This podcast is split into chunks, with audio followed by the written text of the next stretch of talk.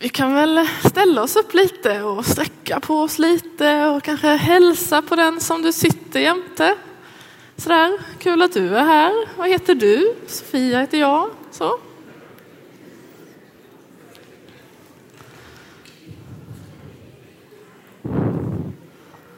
Ja, trevligt.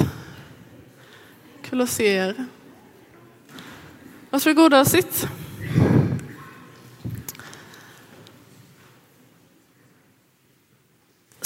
Sofia Bengtsson heter jag och är en av medlemmarna här i församlingen. Eh, har varit med här nu i fem år, älskar den här församlingen. Eh, på fredag så börjar jag jobba här, ska under ett läsår vikariera som ungdomspastor för vår ungdomspastor Tobias Åberg ska vara pappaledig. Så eh, om ni har några frågor kring ungdomar i detta läsåret så är det mig ni ska vända er till.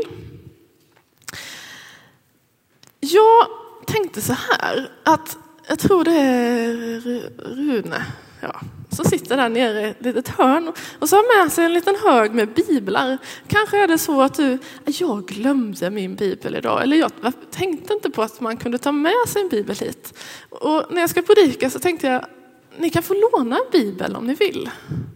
Så om det är någon som vill, ja men jag kanske ska låna en bibel så kan ni bara vifta lite sådär. För ibland är det skönt att få liksom slå upp, det kommer ju en text här, men det kan vara bra att själv få slå upp och läsa. Och det gör det också lättare att när man kommer hem sen öppna Bibeln. Så, Så ta gärna en bibel om ni vill och låna den. Jag tror vi ber en bön innan dagens predikan.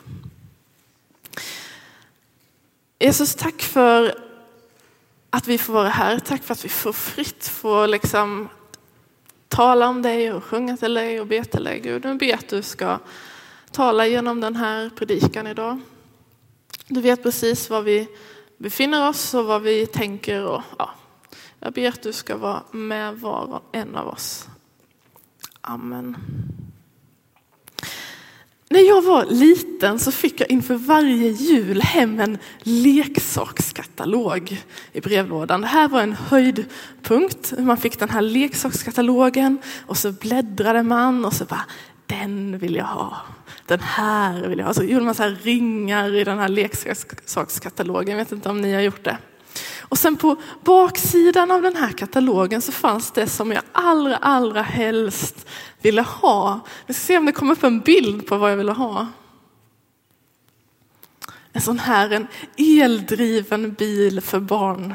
Det var det jag drömde om. Jag såg framför mig en vit och lila. Jag såg framför mig att jag skulle köra i den här till skolan och parkera den. Hade inte det varit häftigt?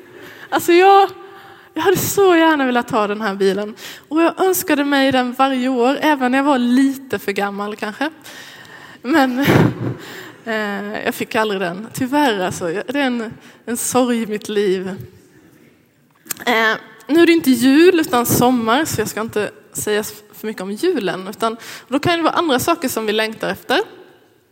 Kanske längtar vi efter en semester vid Medelhavet, att ligga på stranden med en melonskiva i ena handen, en bok i den andra. Kanske det är det vi längtar efter. En del av oss längtar efter att ja, men jag önskar mig en sak i sommar och det är vackert väder, fint väder på semestern. Och det måste jag säga att det har ju ni lyckats med i år om ni tillhör de som önskar att det är fint väder. Vi har haft väldigt bra väder. Eh, men vet ni vad jag märkte? För ett par veckor sedan när det började bli så där riktigt varmt, då hör jag mig själv säga, det är för varmt. Jag svettas, kan det inte vara lite kallare? Så direkt när jag får det som jag bara varmt väder så bara nej, jag vill ha något annat. Och jag tänker att det kan vara så. Vi kan längta efter olika saker och först när vi får dem kanske vi ja, men känner oss nöjda och glada, men efter ett tag, ah, men kan det inte regna lite istället? Eller jag, om jag bara hade det här. Och idag ska vi läsa en bibeltext som handlar lite om grann om det här, men i den här texten har eh, den längtan har gått längre än att bara liksom ringa in en, sätta en ring i leksakskatalogen. Det har gått så långt att man gör allt man kan för att få det som jag själv vill ha. Så jag gör ju vad som helst för att få det jag vill ha. Och vi ska läsa ur Jakobsbrevet. Vi predikar från Jakobsbrevet den här sommaren. Och nu har vi kommit till kapitel 4. Du hittar det efter. Jakobsbrevet ligger efter Hebreerbrevet som är ja, lite slutet hållet av Nya Testamentet kan man väl säga. Ehm, kapitel 4. Om man ska säga någonting om det så är det då Jakob som är bror till Jesus som har skrivit Jakobsbrevet och ehm, han är ledare för församlingen i Jerusalem. Och vi ska se vad han säger. Vi läser vers 1-3 där han kritiserar församlingen för att göra vad som helst för att få det de vill ha. Varifrån kommer all kamp och strid ibland er? Är det inte från begären som är för krig i era lemmar? Ni vill ha men får ingenting. Ni dödar av avund men uppnår ingenting. Ni kämpar och strider. Ni har ingenting därför att ni inte ber. Ni ber men får ingenting därför att ni ber illa. Ni vill bara tillfredsställa era begär. Så. Eh, Jakob är väldigt tuff mot den här församlingen.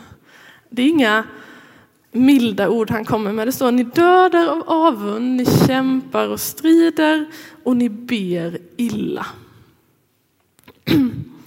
Alltså det är ju inget vi skulle vilja höra om Ryttargårdskyrkan. Ni dödar av avund, ni kämpar och strider och ni ber illa. Ehm, men det är det som han säger till dem.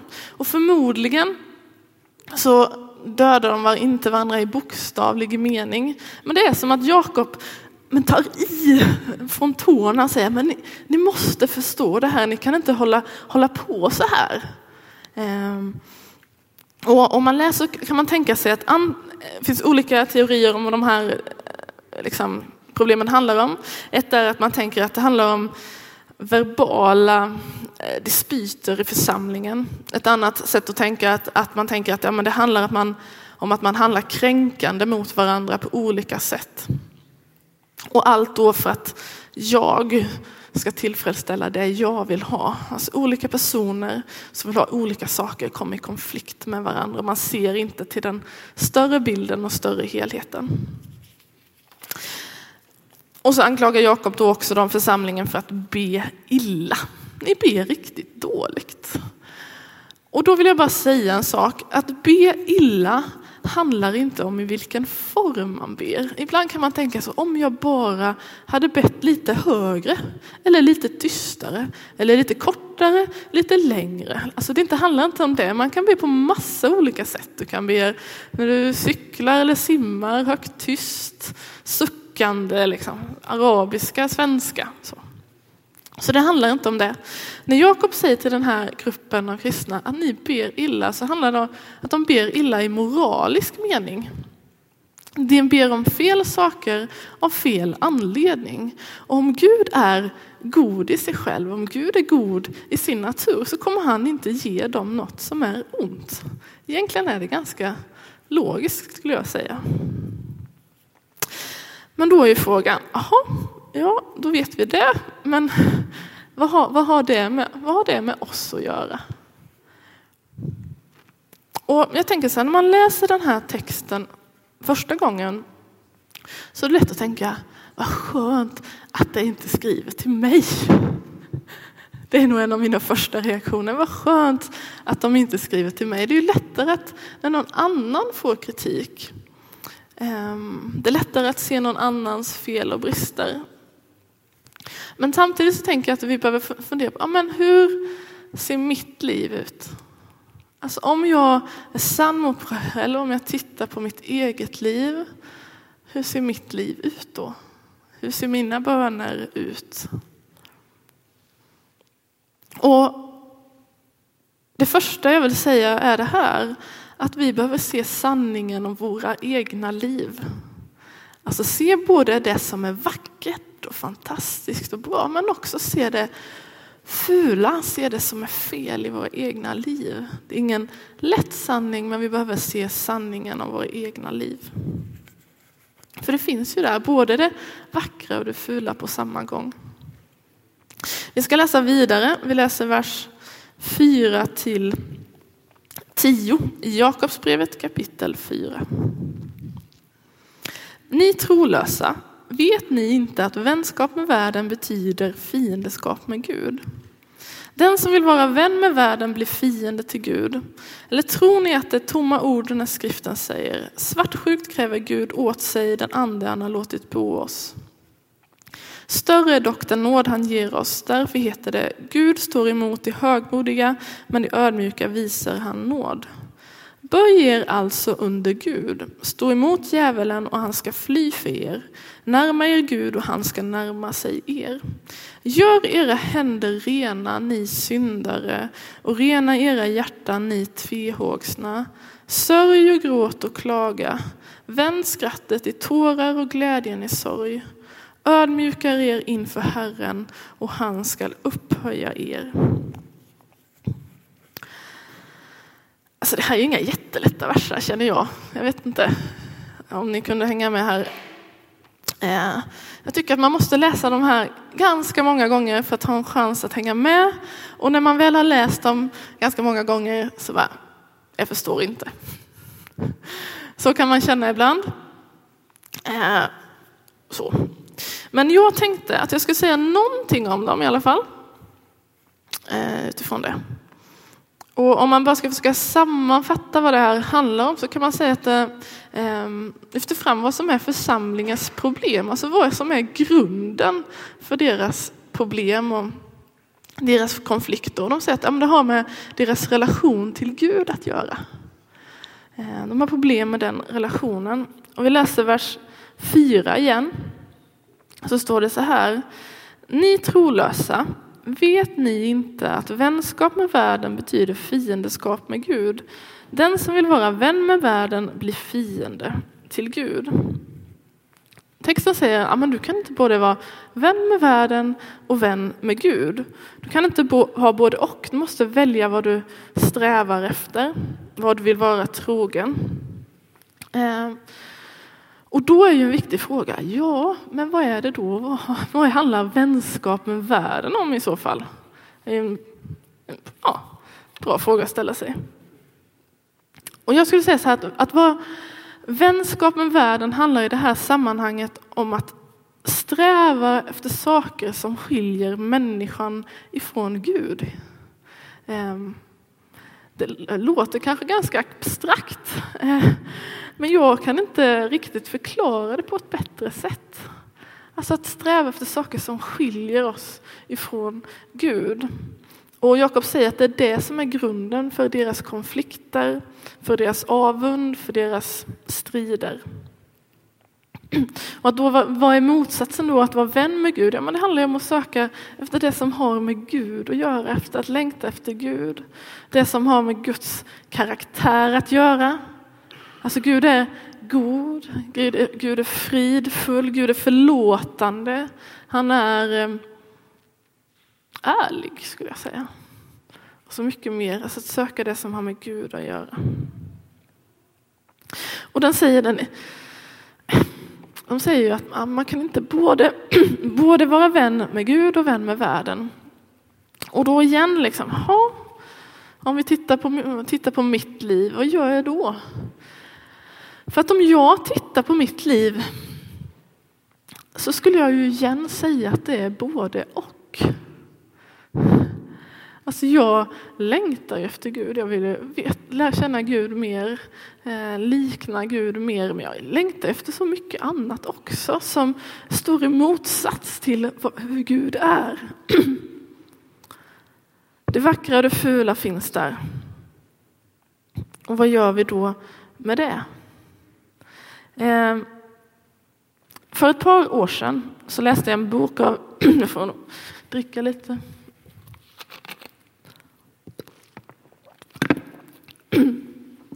För ett par år sedan så läste jag en bok av en man som heter Richard Foster som har skrivit en bok om bön.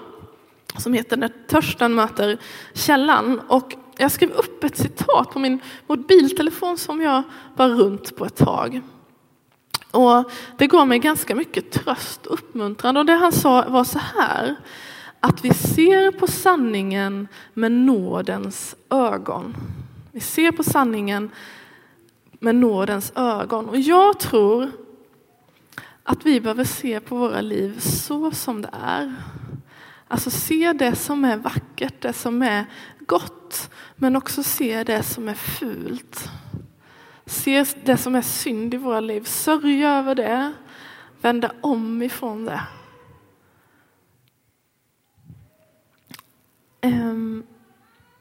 Och läser man Jakobsbrevet så skriver han lite om det i vers, kapitel 4, vers, slutet av vers 8 till 9 så står det Gör era händer rena, ni syndare, och rena era hjärtan, ni tvehågsna. Sörj och gråt och klaga, vänd skrattet i tårar och glädjen i sorg. Alltså vi behöver se det som är, ja, men faktiskt som inte är bra i våra liv. Se sanningen. Samtidigt som vi ser på sanningen med nådens ögon. Jesus beskrivs så här i Johannes evangeliet i Nya Testamentet. Det är en fantastisk beskrivning av Jesus. I kapitel 1, vers 14 så står det att Jesus han var full av nåd och sanning. Jesus var full av nåd och sanning. Alltså han hade eh, men han var sanningen själv. Han talade sanning. Han såg sanningen. Men han var också full av nåd. Och det skriver Jakob också om i den här verserna. Alltså Jakob lyfter inte upp något för att man sen ska bli nedtryckt, han lyfter upp något för att man ska bli befriad. Så här, vi läser Jakob kapitel 4 igen, vers 6 kan vi läsa. Och vers, vers eh, 10 står det så här. Större är dock den nåd han ger oss. Därför heter det, Gud står emot de högmodiga men de ödmjuka visar han nåd. Och vers 10. Eh, ödmjuka er inför Herren och han skall upphöja er. Gud visar de ödmjuka nåd. Vad handlar ödmjukhet om? Ja, men jag tänker att det handlar om att se sanningen om sitt liv. Att, och kunna säga att ja, jag behöver hjälp. Det här är inte bra. Gud förlåt mig, hjälp mig att liksom lämna det.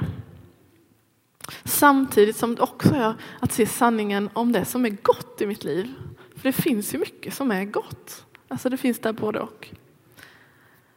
Och när vi kommer till Gud med sanningen, då, då är Gud också väldigt snabb på att visa oss nåd. Nåd är inget man förtjänar, det är en fri gåva som vi får ta emot. I vers 10 så säger Jakob att ja, men, ödmjuka er inför Herren och han ska upphöja er. Och det gäller ju också oss. När vi böjer oss ner så lyfter Gud oss upp igen. Gud vill lyfta oss upp. Så, eh, vad vill jag då säga utifrån Jakobsbrevet idag? Jo, jag tror att vi behöver se sanningen om våra egna liv. Se det vackra och det fula, säga till Gud, ja men så här är det. Förlåt mig, sörja över det, vända om ifrån det. Samtidigt som Gud är full av nåd och sanning. Gud är en nådefull Gud. Vi har en Gud som älskar trasiga människor. Jag tänker ett gott budskap. Och så skulle jag vilja avsluta med att säga en sak. Att se sanningen om sig själv kan vara väldigt eh, svårt och tufft. Eh, det finns saker i våra egna liv som vi inte vill se och därför så blundar vi för dem. Det är en sida av saker. Men ibland så tror vi också saker om oss själva som egentligen inte är sanna.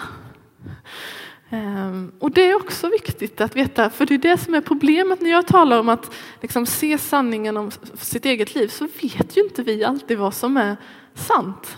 Och det är en utmaning. Och så ibland så um, tror vi på lögner om oss själva som inte är sanna.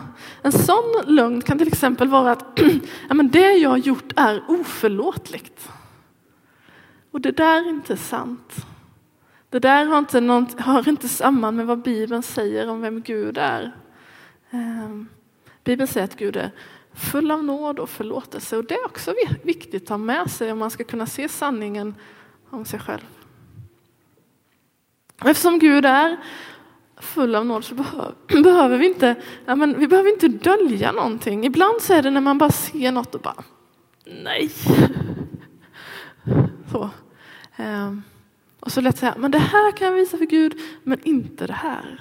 Det här kan den få ha del av, men inte det här. Men jag tror att ja, men Gud vill ju inte att vi ska gömma våra liv för honom. Han vill ju ha hela våra liv så som de är. Och vi ska avsluta med att läsa ett bibelord från Filipperbrevet kapitel 4. Filipperbrevet ligger lite tidigare än Jakobsbrevet. Ett litet brev. Filipperbrevet kapitel 4, vers 6 så står det så här. Gör er inga bekymmer, utan när ni åkallar och ber, tacka då Gud och låt honom få veta alla era önskningar. Alltså om du som jag då kanske längtar efter en sån här bil, en eldriven bil, ja, men säg det då till Gud. Om det är det som ligger där, säg det. Om det är att du, du kanske är ledsen för någonting, sörjer över någonting, arg på någonting, säg det. Om det är något annat som du vill be för eller tacka för, säg det. Gud vill ha allt, han vill ha bredden, han vill ju ha hela våra liv.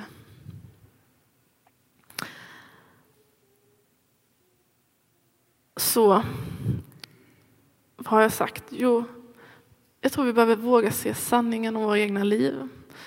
Det fula och det vackra. Men vi behöver också komma ihåg att Gud är full av nåd och sanning. Vi ber en bön. Tack Gud för att, att du älskar oss. Tack för att du är full av nåd och sanning. Du vet det som finns i våra liv som på något sätt ja, men, skiljer oss ifrån dig, det som är ont i våra liv. Förlåt mig, förlåt oss Gud. Hjälp oss att se sanningen Gud.